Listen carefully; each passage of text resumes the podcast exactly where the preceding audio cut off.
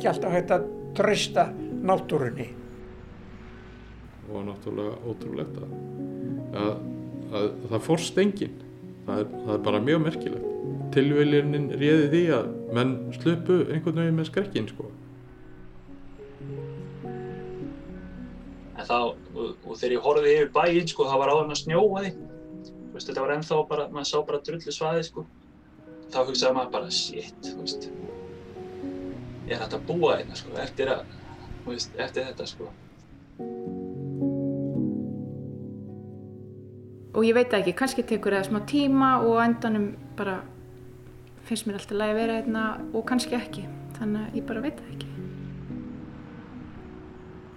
Og það er alltaf svolítið merkilegt að skuli þurfa svona einhverjar, einhverjar rosalegar hamfarir sko til að, til að menn fari aðeins að, að, að, hérna, að framkvæma eitthvað. Ég er svo sem veit ekki, það er náttúrulega, ég held að hefði nú ekkert geta stoppað í rauninni þetta.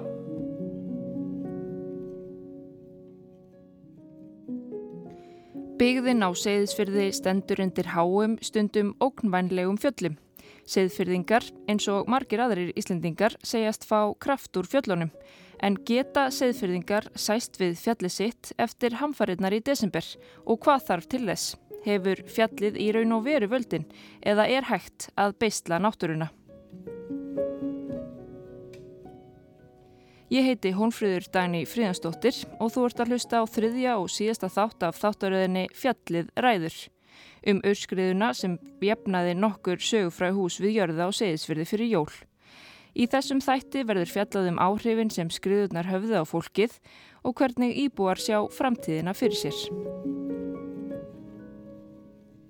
Nú eru rúmlega þrýr mánuður liðnir frá stóru skriðunni og sárið sem hún skilur eftir sig í byggðinni er stórt og það hefur mikið gengið á hjá seðfyrðingum í vetur. Hátt í sjötju var gert að yfirgefa heimili sín í gær og einn þeirra segir það ífa upp sár frá því að stóra skriðan fjall. Man finnur að taugakerfið er ekki alveg búið að setjast síðan enda sko, ég menna það er 15. desember sem við þurftum að fara út úr húsin okkar hérna fyrst komum heim aftur 30. desember og núna 15. janúar þannig að þetta er alveg svona öll svolítið.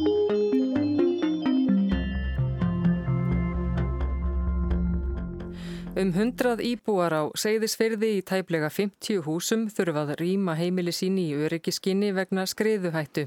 Um helgina var hættusti vegna snjóflóðahættu, nú er skriðuhætta og spáð ákafri úrkomi í kvöld og í nótt á Seyðisferði.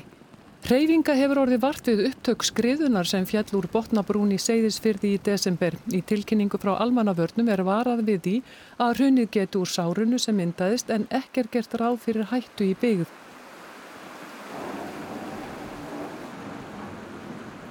Þessar fréttir eru með um mánadar millibili í janúar, februar og mass. Svo síðasta er frá 19. mars, nákvæmlega þremur mánuðum og einum degi eftir stóru skriðuna er enn hreyfing á fjallinu. Það eru sprungur í hlýðinni fyrir ofan og innan við skriðusárið og út frá þeim er talið að litlar skriður geti fallið.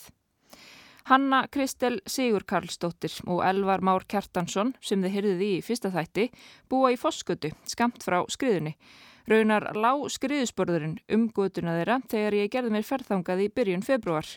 Þau tóku hlýlega á móti mér á dimmu eftirmiðdegi með kveikt á kertum og plötu á fóninum. Heimilið þeirra var ringt í um mánuð eftir stóru skriðuna. Það var ekki talið örugt fyrir þau að vera heima allan þennan tíma. Því enn var óvist hvað hlýðin myndi þóla mikla úrkomu eftir skriðuna. En þið voru svona uh, síðasta gatan eða sem mátti snúa heim. Mm -hmm. Lýður ykkur vel einna? Já, mér líður vel. Já, ég, hérna... Ég held ég, sko, mil, ég, ég, ég er kannski búinn að svona aðeins loka á mínar tilfinningar gagvart öryggi að því að það, það, mínar tilfinningar gagvart í skipta óskup litlu máli ef að fólki kringum mig líður ekki vel. Þannig að við erum bara búin að taka því rólega, ekkert að ákveða neitt, bara aðeins að máta okkur við aðstæðar aftur. En á sumi leiti finnst mér eins og hérna, og það er kannski ekki alveg rétt, mér finnst þetta bara að vera næstum því eins og áður en stóra skriðan fjall. Það var alltaf vitað að það hefðu fallið svona stórar skriður áður. Þannig ég vissi, ég vissi og, og, og ég vissi það bara að því að, að, því að það, það var vitað að það geti gerst aftur og myndi gerast aftur. Og það var bara 18. desember sem það gerist, þannig að þetta alveg skerst á minni lífstíð eins og einhvern tíman setna. Þó að hinnar hefði verið fyrir, fyrir byggð og jafnvel fyrir landnám, þá, þá skiptir það ekki máli, það, það bara gerist þegar það gerist. Elvar og Hanna og börnin þeirra tvö fluttu ekki strax aftur heim eftir að rýmingunni var aflétt. Dægin sem ég hittu þau var einn og halfur mánuður frá skriðu og þau stemda á að borða kvöldmat heima hjá sér í fyrsta skipti eftir skriðuna og það var laugadags pizza í matin. Spurningin var hvernig liður okkur hérna? Já, eftir þetta alltaf. Um, ég held að það sé ekki til neitt einfalt svar við því. Ég meina við Nú er allt frosið og þá finnst okkur allt í lagi að vera í húsinu. Um, en ég veit ekki hvernig mér áttur að liða þegar það byrjar að regna aftur og í leysingum. Þannig ég geti ekki svaraði, veit það ekki. Og eftir því sem að ég fæ meiri náttúrulega upplýsingar um, um vöktun og þegar það verður komin rýmingar á ætlinn sem verður búið að kynna þá, þá kannski liðið mér betur og náttúrulega þegar það kemur eitthvað svona niðurstaða um framtíðaplun. Hvort að ég að verja og þá hvernig. Ég held að það, allar þessar upplýsingar hjálpi manni að liða betur. Og ég veit ekki, kannski tekur það smá tíma og endanum bara finnst mér alltaf lægi að vera einna og kannski ekki. Þannig að ég bara veit ekki.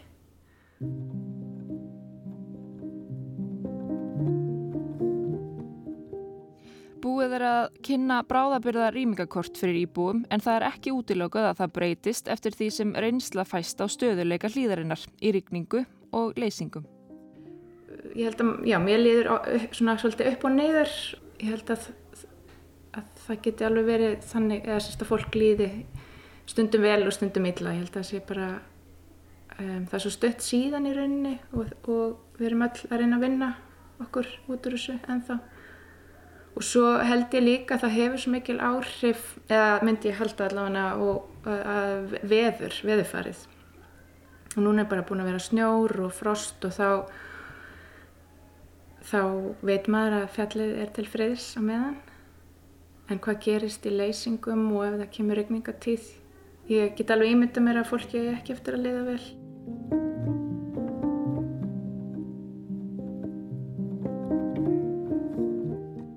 Það er auðvelt að hitlast af Seyðisfyrði og orkunni sem þar er.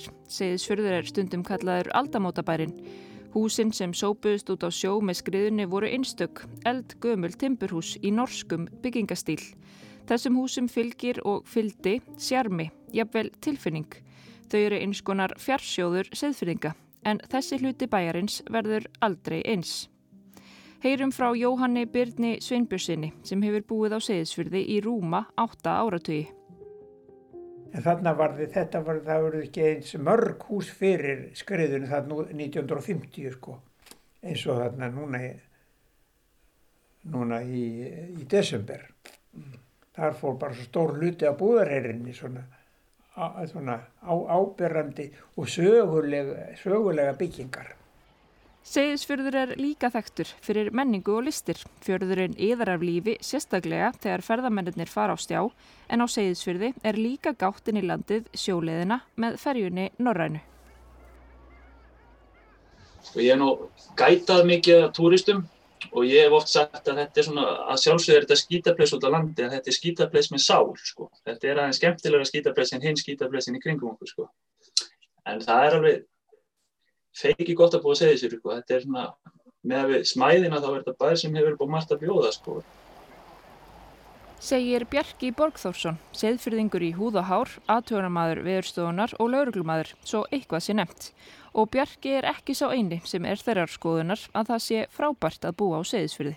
Það er nú bara miklu betra heldur en að ég þorði að vona. Ég kom hérna sko fyrir bráðum 30 árum og ég ætlaði að vera 10 daga hérna í síld og að vinna og, og hérna ég er nú búin að vera hérna síðan. Þannig að þessi 10 dagar er ekki búinir. Sko. Segir Vilhjálmur Ólafsson sem þið heyrðuð frá í síðasta þætti. Hann flaut með björgunarsveitarbilnum í skriðinni rúmlega 80 metra en bílinn helst sem betur fyrr á hjólunum. Og eins og fjallaða var um í fyrri þáttum voru fleiri hætt komnir. Og náttúrulega ótrúlegt að, að, að það fórst enginn.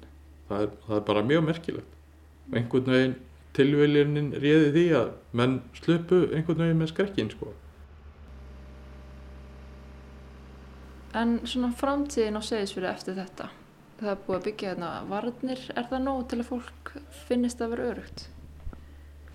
Nú eh, held ég að, að það sé nú, sé nú þó nokkrir hérna sem eru nú ekki alveg örugir sko og ég veit um fólk hérna sem vill ekki fara aftur í húsin sín.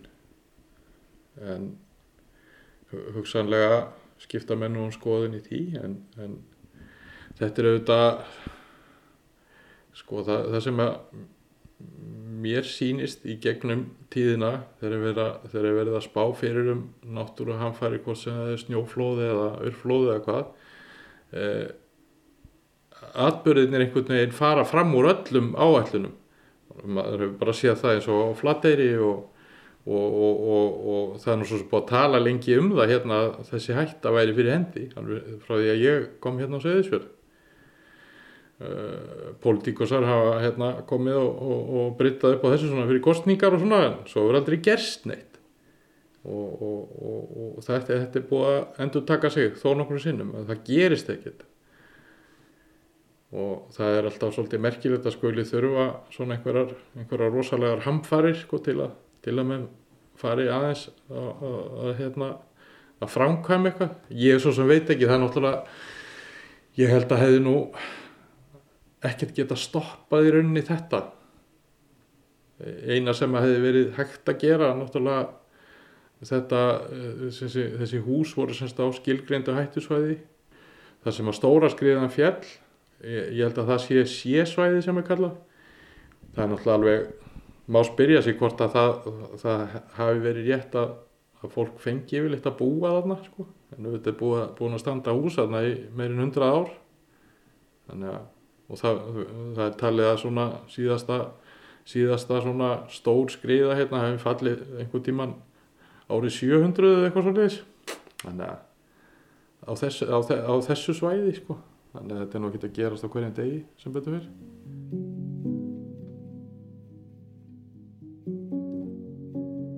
Á Seyðisfyrði eru einn stærstu hættusvæði vegna skriðufalla í byggð á landinu. Þar hafa nýju skriðurhinur orðið eftir ákafa úrkomu eða leysingar á síðustu 140 árum sem hafa bæði tekið með sér hús og fólk. Hætta á ofanfróðum í byggð er flokkuð í svo kvölduð A, B og C-svæði en hættan er talin mest á C-svæðum. Einn þeirra sem átti hús sem er búið að standa á búðareirinni í 100 ár er Odni Björk Danielsdóttir, 35 ára. Hún bjó á þriðju hæð í húsi sem ber nafnið Garður. Það stendur á sínum stað, heilt, en aðstæður ofan þess hafa breyst mikið. Nú stendur það undir stórum fleka í skriðusárunu sem hljóp ekki fram með stóru skriðunni.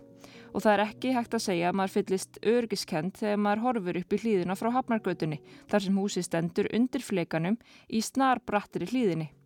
Sérfræðingar viðurstofunar fylgjast sérstaklega vel með fleikanum en lítil sem engin hreyfing hefur mælst á honum sem betur fer síðan skriðan fjall. En þetta er ekkert smá stykki. Í fleikanum er talið vera efni í svipaða eða töluvert starri skriðu en þá sem fjall í desember. Þess vegna var ekki talið raunhæft að verja húsin fyrir neðan. Seks fjölskyldum í fjórum húsum var gert að flytja Fjölskylda Otnýjar var einn þeirra. Myndið þið langa að búa áfram í húsinu, vitandi að þessum stóra fleka? Nei, og þess vegna er þetta léttir. Að, að húsi verði að okkur. Og því að það er bara, veist, stóra skriðan tók með sér hús og þessi fleki tekur með sér þetta hús þegar hann fyrir niður og það er ekkert spurning hvort hann fari heldur hvenar og ég myndi ekki vilja vera hérna við svo mikið sem einn elektrópa sko. Ég hitti Otníu á Seyðisfyrði þegar hún var í óða önn að tæma húsið þar sem hún, maðurinn hennar og dóttir hafa búið í sjö ár. Búslóðin í pappakassa, margir mertir brotætt, plastfilma utanum viðkvæmari húsgögn og myndaramma, rúmið upp á rönd. Það var náttúrulega eitthvað sem við vorum búin að búast við. Liggum við bara síðan að stóra skræðan fjallina fyrir utan húsi. Þannig að þetta var svona við sléttir að fá þessa staðfestingu. En svo er þetta líka bara maður að missa heimilsett og við vitum ekkert hvar næsta heimili verður sko. Stóra skriðan fjall nokkra metra frá húsinu hennar. Otni og fólkið sem bjóði þessum húsum þurfti að býða í nokkrar vikur eftir staðfestinga á að húsið yrði kipt af þeim. Ég rætti við Otniu í februar. Þá hafði hún ekki sofið heima hjá sér síðan um miðjan desember. Það er náttúrulega bara ekki droslega góð tilfinning. Að allt í hennu mátt ekki eiga heima hjá þér. Mátt ekki eiga heima heima hjá þér og þú veist, vissulega erum við búin að búa þetta í sjö ár og þetta hús hefur alltaf verið á hættisvei. Og þannig að um leið að þetta er léttir að fá sér staðfestingu þá vil ég líka hrósa sko sveitarstjórn að taka þessu ákvörðun. Þetta er ekkert auðveld ákvörðun. En ég bregst alltaf ekkert rosalega vel við þegar einhver segir mér fyrir verkum. Og ég hef alveg farið með hugan alls konar þegar við gerum okkur grein fyrir við fengjum ekki að fara heim áttur og þetta er bara þetta er hillilegt sko og sérstaklega því að við vitum ekkert hvað tekum við næst sko En ætlið að reyna að vera á segðisfyrði eða hvernig verður það?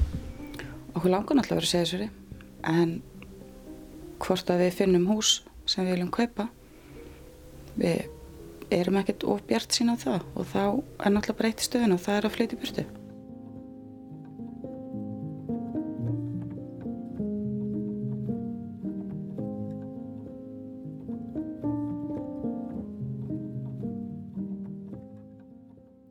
Sveitafélagið Múlaþing hefur óskað eftir aðstóð ofanflóðsjós við að kaupa húsin. Það er langt ferli og er enn í vinslu.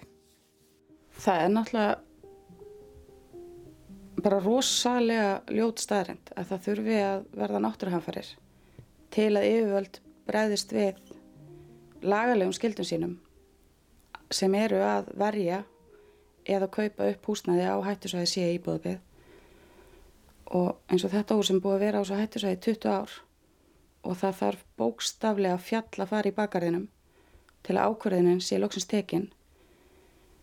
Og að það er, hafa komið sko fjöldamarkar skýslur um þetta svæði. En það er ekkert gert og það er engi peninga til fyrir en að það fellur eitt stekki bara fjall í bakarðin og á þessum rúma mánuði sem er liðin þá er búið að vinna gífurlega flott starf í ofanflóðvörnum á segðisverði á ekki lengri tíma en svo en það tók líka hátt í 20 ár og eitt stykki fjall til að fara til að það myndi gerast. Í hvernig stöðu er hitt fólki sem þurfti þarf að fara úr heimil sínum svima að stöðu þið?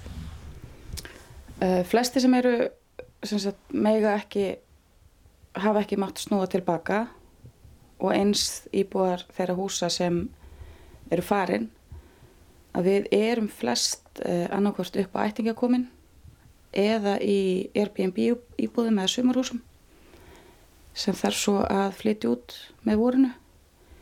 Þannig að í april-mæ þá standur 20-30 íbúðar segisverði bara heimilslausir í alvörunni. Og þá er náttúrulega bara spurningin hvað fólk gerir hvort að það neyðist bara hreinlega til að flytja úr bænum út af því að það er ekkert húsnæði Fótboltavallurinn á Seyðisfyrði er á örugusvæði í bænum en hann er ónýtur. Í mörg ár hefur ekki verið hægt að spila á honum og til að mæta húsnæðinstörf á Seyðisfyrði ráðgerir sveitarfélagið að byggja á vallalóðinni nýju rað og parhús sem tveggjahæða. Ingrid Karris sem þið heyrðuð frá í síðasta þætti er enn á Seyðisfyrði. Hún er upp á vini og kunningja komin eftir skriðuna. Húsið hennar, Berlín, já segjum það bara eins og það er, skriðan jafnaði það við jörðu þetta er bara magnað eh, hvort það fór þá ég er búin að heyra að það fór eitthvað út í sjó og hérna eins og húsið mitt var bara sett í blandaran þú veist og, og allt farið Hanna langar að búa áfram á Östurlandi og henni líkar seðisfyrður vel en þar er lítið húsnæð að hafa eins og Otni lísti. Ef það verður eitthvað í bóði sem ég get hugsanlega keift eða leikt eða hvað sem er þá, jú, þá segis fyrir, já. Þannig að þú ert ekki trött við að kaupa nýtt hús og segis fyrir aftur eftir þetta? Ég er ekki hrætt, nei, held ekki. En ég held að verður svolítið skrítinn. Ég var akkurat reyndar að hugsa það í dag. Bara, ok, ef ég myndi kaupa hús aftur á segðis, þú veist, myndi ég bara hugsa stanslaust, byrju, er eitthvað að fara að gerast? Eða þetta er öruglega eitthvað staðar hér, þú veist í, í hausnum á manni að bara byrju, er ég að fara að kaupa hús að segja þessveri, þú veist? Þannig að ég veit ekki ég bara veit ekki. Kymri ljós. Kymri ljós, já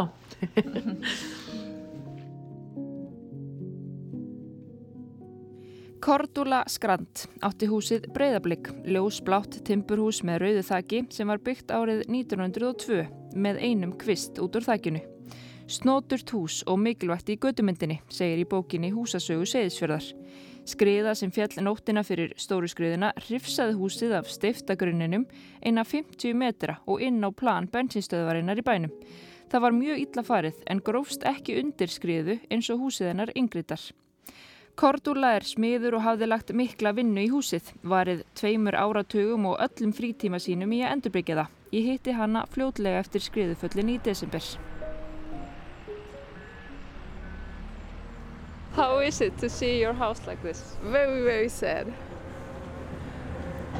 And it's, well, it's work of my life and uh, I've put, put so much passion in it and I've, it's, end of uh, a lifetime story, and I think it's even worse to my son and all the ones around us who, who helped us to make it what it was in the end.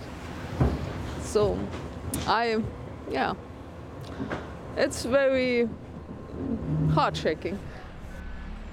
Cordula segir það taka á hjartað að missa húsið, æfistarfi sitt sem hún hafði svo mikla ástriðu fyrir og lagði allt í og áfallið er ennverra, segir hún, fyrir són hennar og alla sem voru búin að hjálpa henni að endurbyggja húsið.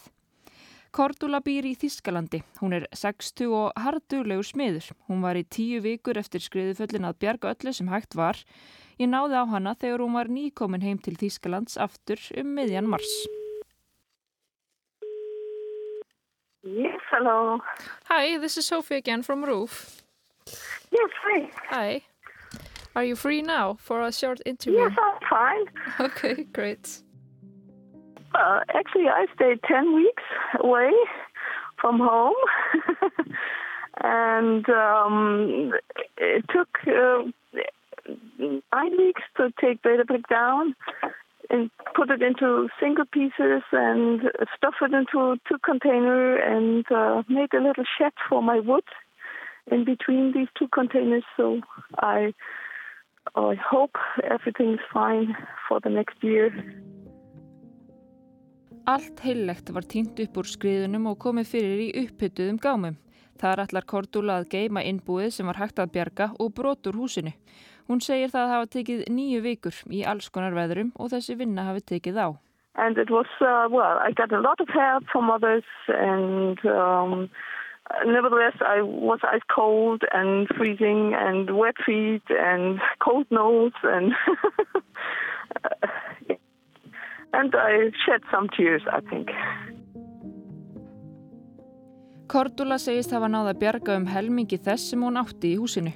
Um, from the interior I saved uh, maybe half of it because most of the things like my tools and uh, building material was in the basement and this is completely lost. Um, from the outside I was able to save maybe 60%. Þrátt fyrir að Jóhann hafi búið á seðisfyrði í næstum 90 ár gerði hann sér ekki í hugalund að svo stór skriða gæti fallið á byggðina. Þetta menn hafa e enga reynsla af þessu. Þetta er óskaplega erfitt það, og það er ekki tætt að kenna neinum um og, og ekki, ekki veðurstofun held ég. Sum eru ósátt við hvernig staði var að rýmingum fyrir stóru skriðuna. Otni segist hafa rýmt húsitt af sjálfstáðum nokkrum dögum áður. Og við erum búin búið hérna í sjö ár Við höfum fjórsunum yfirgeða heimilu okkar að eigin vilja. Aldrei er beðin um það, aldrei er skipað um það. Einu sinni fóru við eftir við horfum á spíu koma hérna hinum meginn við húsið, niður læk.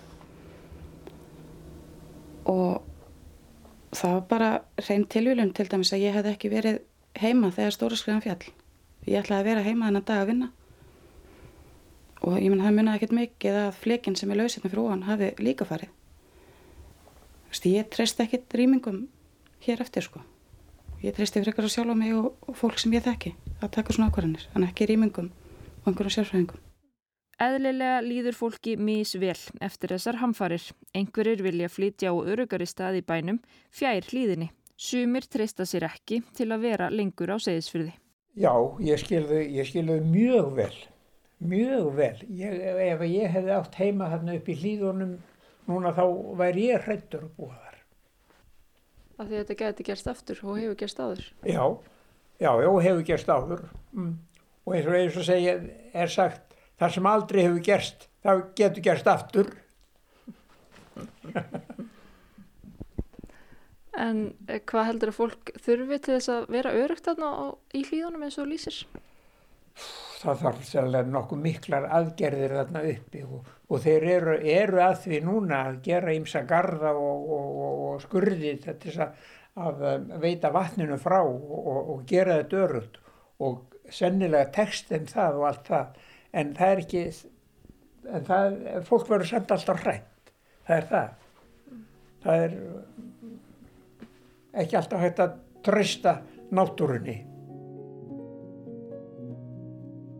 Bjarki sem vinnur hjá viðurstofunni hefur gengið upp að bröttum bökkum skriðusársins. Úr því mun líklega hrinja á meðan hlýðin er að jafna sig og taka á sig ávalara og eðlilegra form. Um, ég fór hérna bara nokkrum, bara tveimundum eftir held ég skriðuna, þá fórum við hérna upp og þá áttar maður að segja á því bara hvað, sé frá jörðuneri er þetta sko, virkar þetta ekki stórt sko. En þegar maður komir hann upp þá er þetta bara þetta er bara hildýpi þetta er bara reysastór það er eins og það er eiginlega hóla það er eins og að vera tekið bara reysa skobla og skobla niður þú veist þetta er það er einhvern hóla niður í jörðina sko. Reysastór sko og bara náðungi sem var með mér svona hérna jarðverfræðingur, hann var búin að vera svona að reikna út bara á jörðunir í hvað þetta verið cirka stórt. Hann var eitthvað að segja 17.000 rúmitrar eða eitthvað. Síðan kom ég með honum hann upp og hann sá þetta bara, wow, þetta er miklu stærn en 70.000, þetta er svona 70.000 sagðan sko, rúmmetrar af efni sko. Og þegar ég horfið yfir bæinn sko það var áður að snjóa því, veist, þetta var ennþá bara, maður sá bara drullu svaði sko. Og hérna þá hugsaði maður bara shit, veist, er hægt að búa hérna sko eftir, að, veist, eftir þetta sko. En emitt, er hægt að búa hérna? Hvernig liðir fólki eftir þetta? Já, já, ég held að þetta er, þetta er náttúrulega, það er náttúrulega ekkert mál að búa einna sko, eftir þetta, þetta er náttúrulega, við verðum bara, við þurfum bara að endur skipilegja bæinn, þá veist það var gert, það kom stærsta snjóflóð, eða mannskeiðasta snjóflóð í sögu Íslands kom hérna á okkur 1880 og eitthvað, 5-6 eitthvað, og fólk endur skipilegja bara byðina, fariði hús og, og endur skipilegja byðina í bænum eftir það og það var gert með hamri og hesti sko. við hefum nú ekki verið einhverjum vandræðum hérna 2001. öldinni að hérna, finna leið út af því að en, bara endur skipilegja hvernig við ætlum að vera hérna og færa hús á að ekki vera mikið mál núna þegar menn gátti gert það fyrir yfir meirinn 100 ára síðan sko.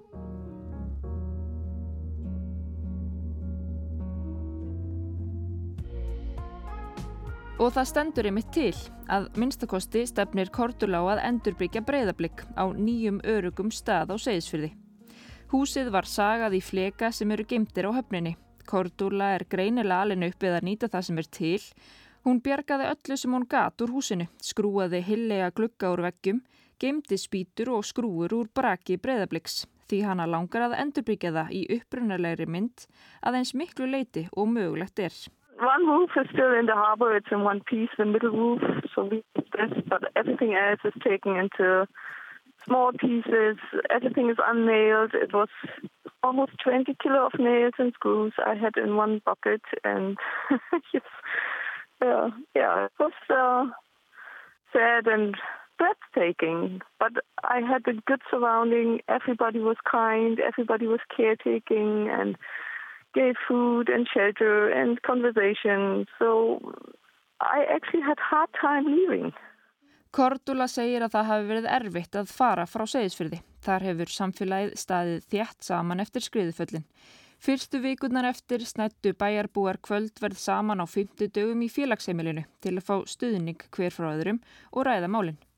Cordula segist nú verið að býða eftir því að fá að vita hvort hún fái lóð fyrir endurist breyðablík við lónið á segisfyrði.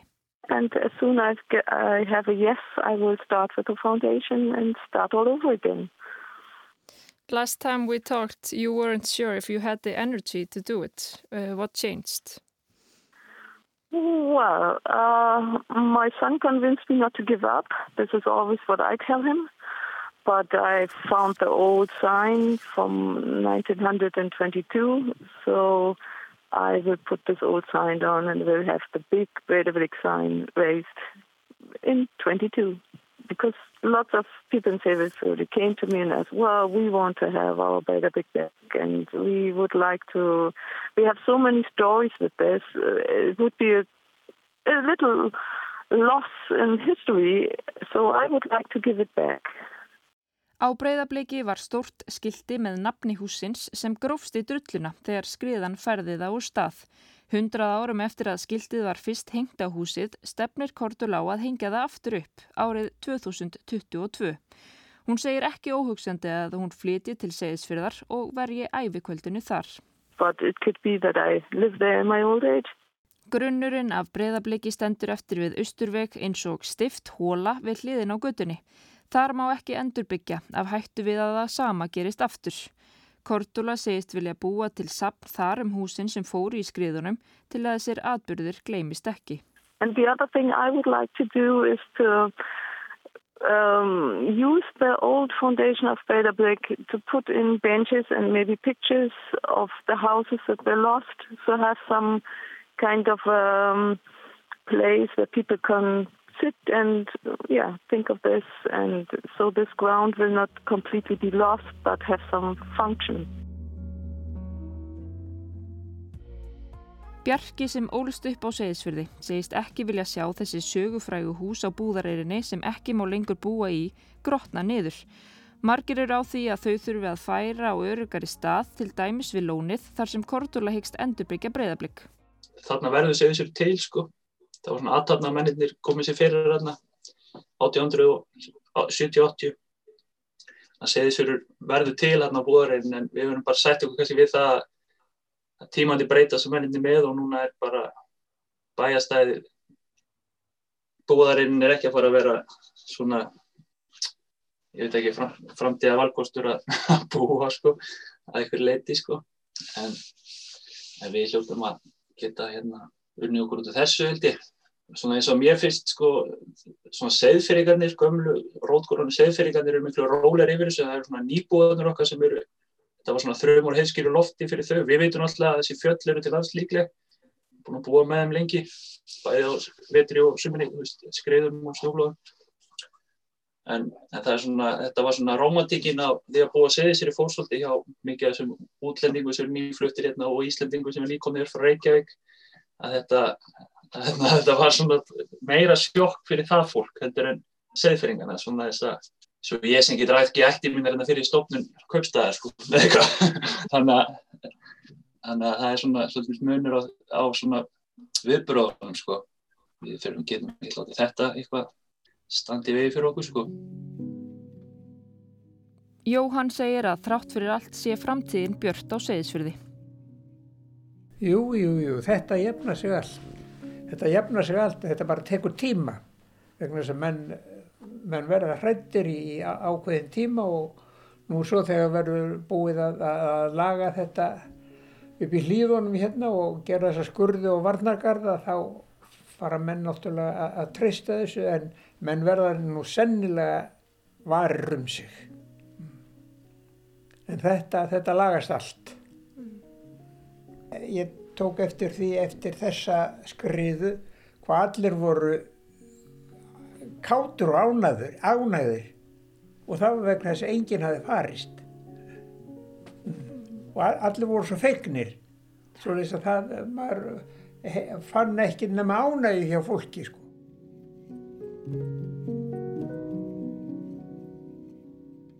Nú heyrum við aftur frá Bjarka. Það var svona, maður, mér finnst alveg, svona fyrst eftir skrifuna var svona, fannst mér andrúrslótti mjög svona, maður hafði áhugjur sko, svona begaþróun í bænum eftir, svona fyrstu vikurnar eftir.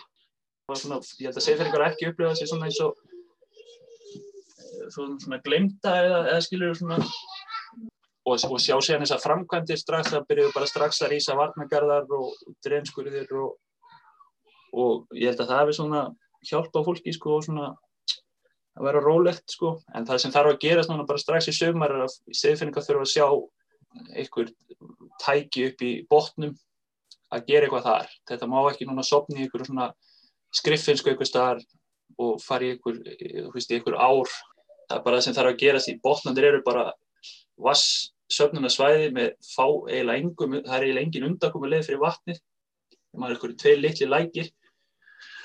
Og það þarf bara dren framkvæmdi þar í rauninni sem að myndi hjálpa mikið það fyrir að koma með fyrir svona atbyrðið aftur þar allavega. Þannig að fyrir ykkur þurfa að sjá það eru aðgerðir sko, ekki bara að einhverju sé að rúla blíjöndum og hendi svo milli skrippborða og ekkert gerist sko.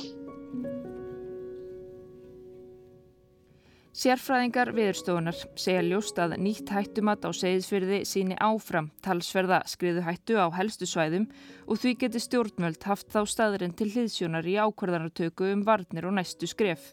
Vinna við bráðabyrðavarnir í suðurhlíðinni og ofan byggðarinnar gengur vel.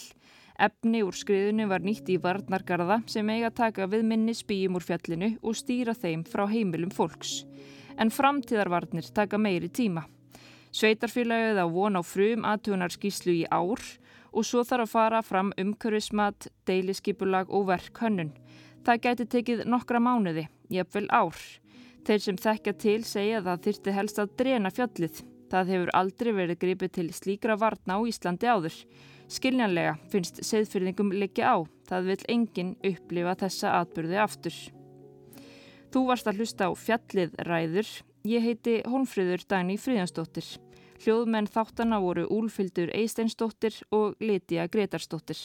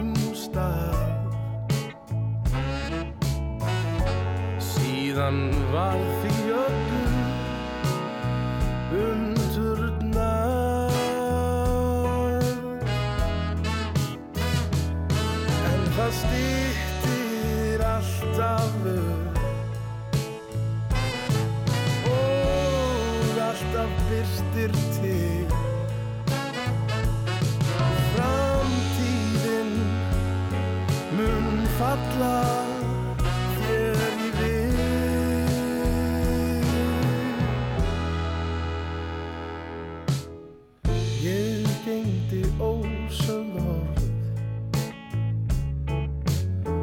sem voru ætluð þér. Þau þú sann